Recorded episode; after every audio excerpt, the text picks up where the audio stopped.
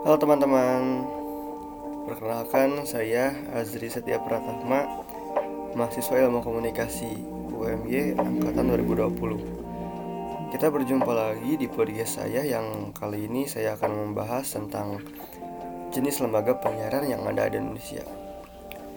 Tapi eh, pada sesi kali ini saya akan membahas tentang LPP saja. Oh iya, kalian mungkin belum tahu ya LPP itu apa.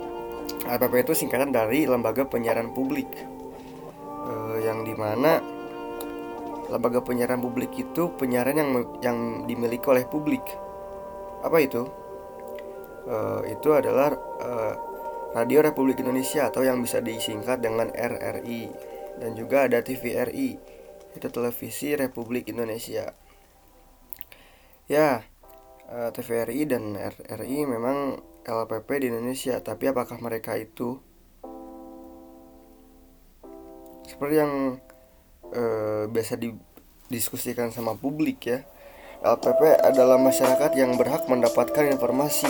Hak atas informasi adalah hak publik yang harus dipenuhi oleh negara lewat LPP.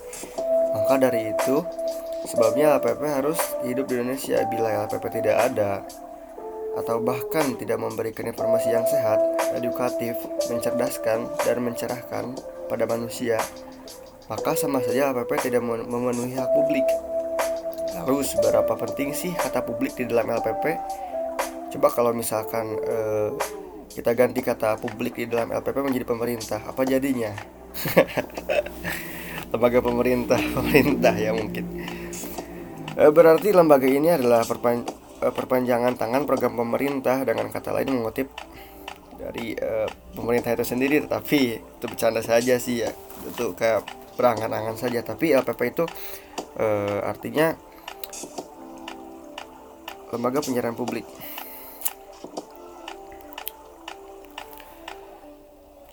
LPP dengan kata publik adalah lembaga penyiaran milik publik yang independen dari pemerintah maupun pasar yang memang terbukti meresepsi atau menekan publik. LPP menjadi penting karena lembaga penyiaran komersial telah gagal menjadi agen demokrasi dan hanya melayani kepentingan penguasa. Terbukti pada era pemilihan umum, media tersandra kepentingan politik. Aduh mungkin uh, saya tidak akan berbicara banyak ya. Soalnya uh, gimana ya? Mungkin sekian saja dari saya. Uh, saya Aji Setia Pratama. Terima kasih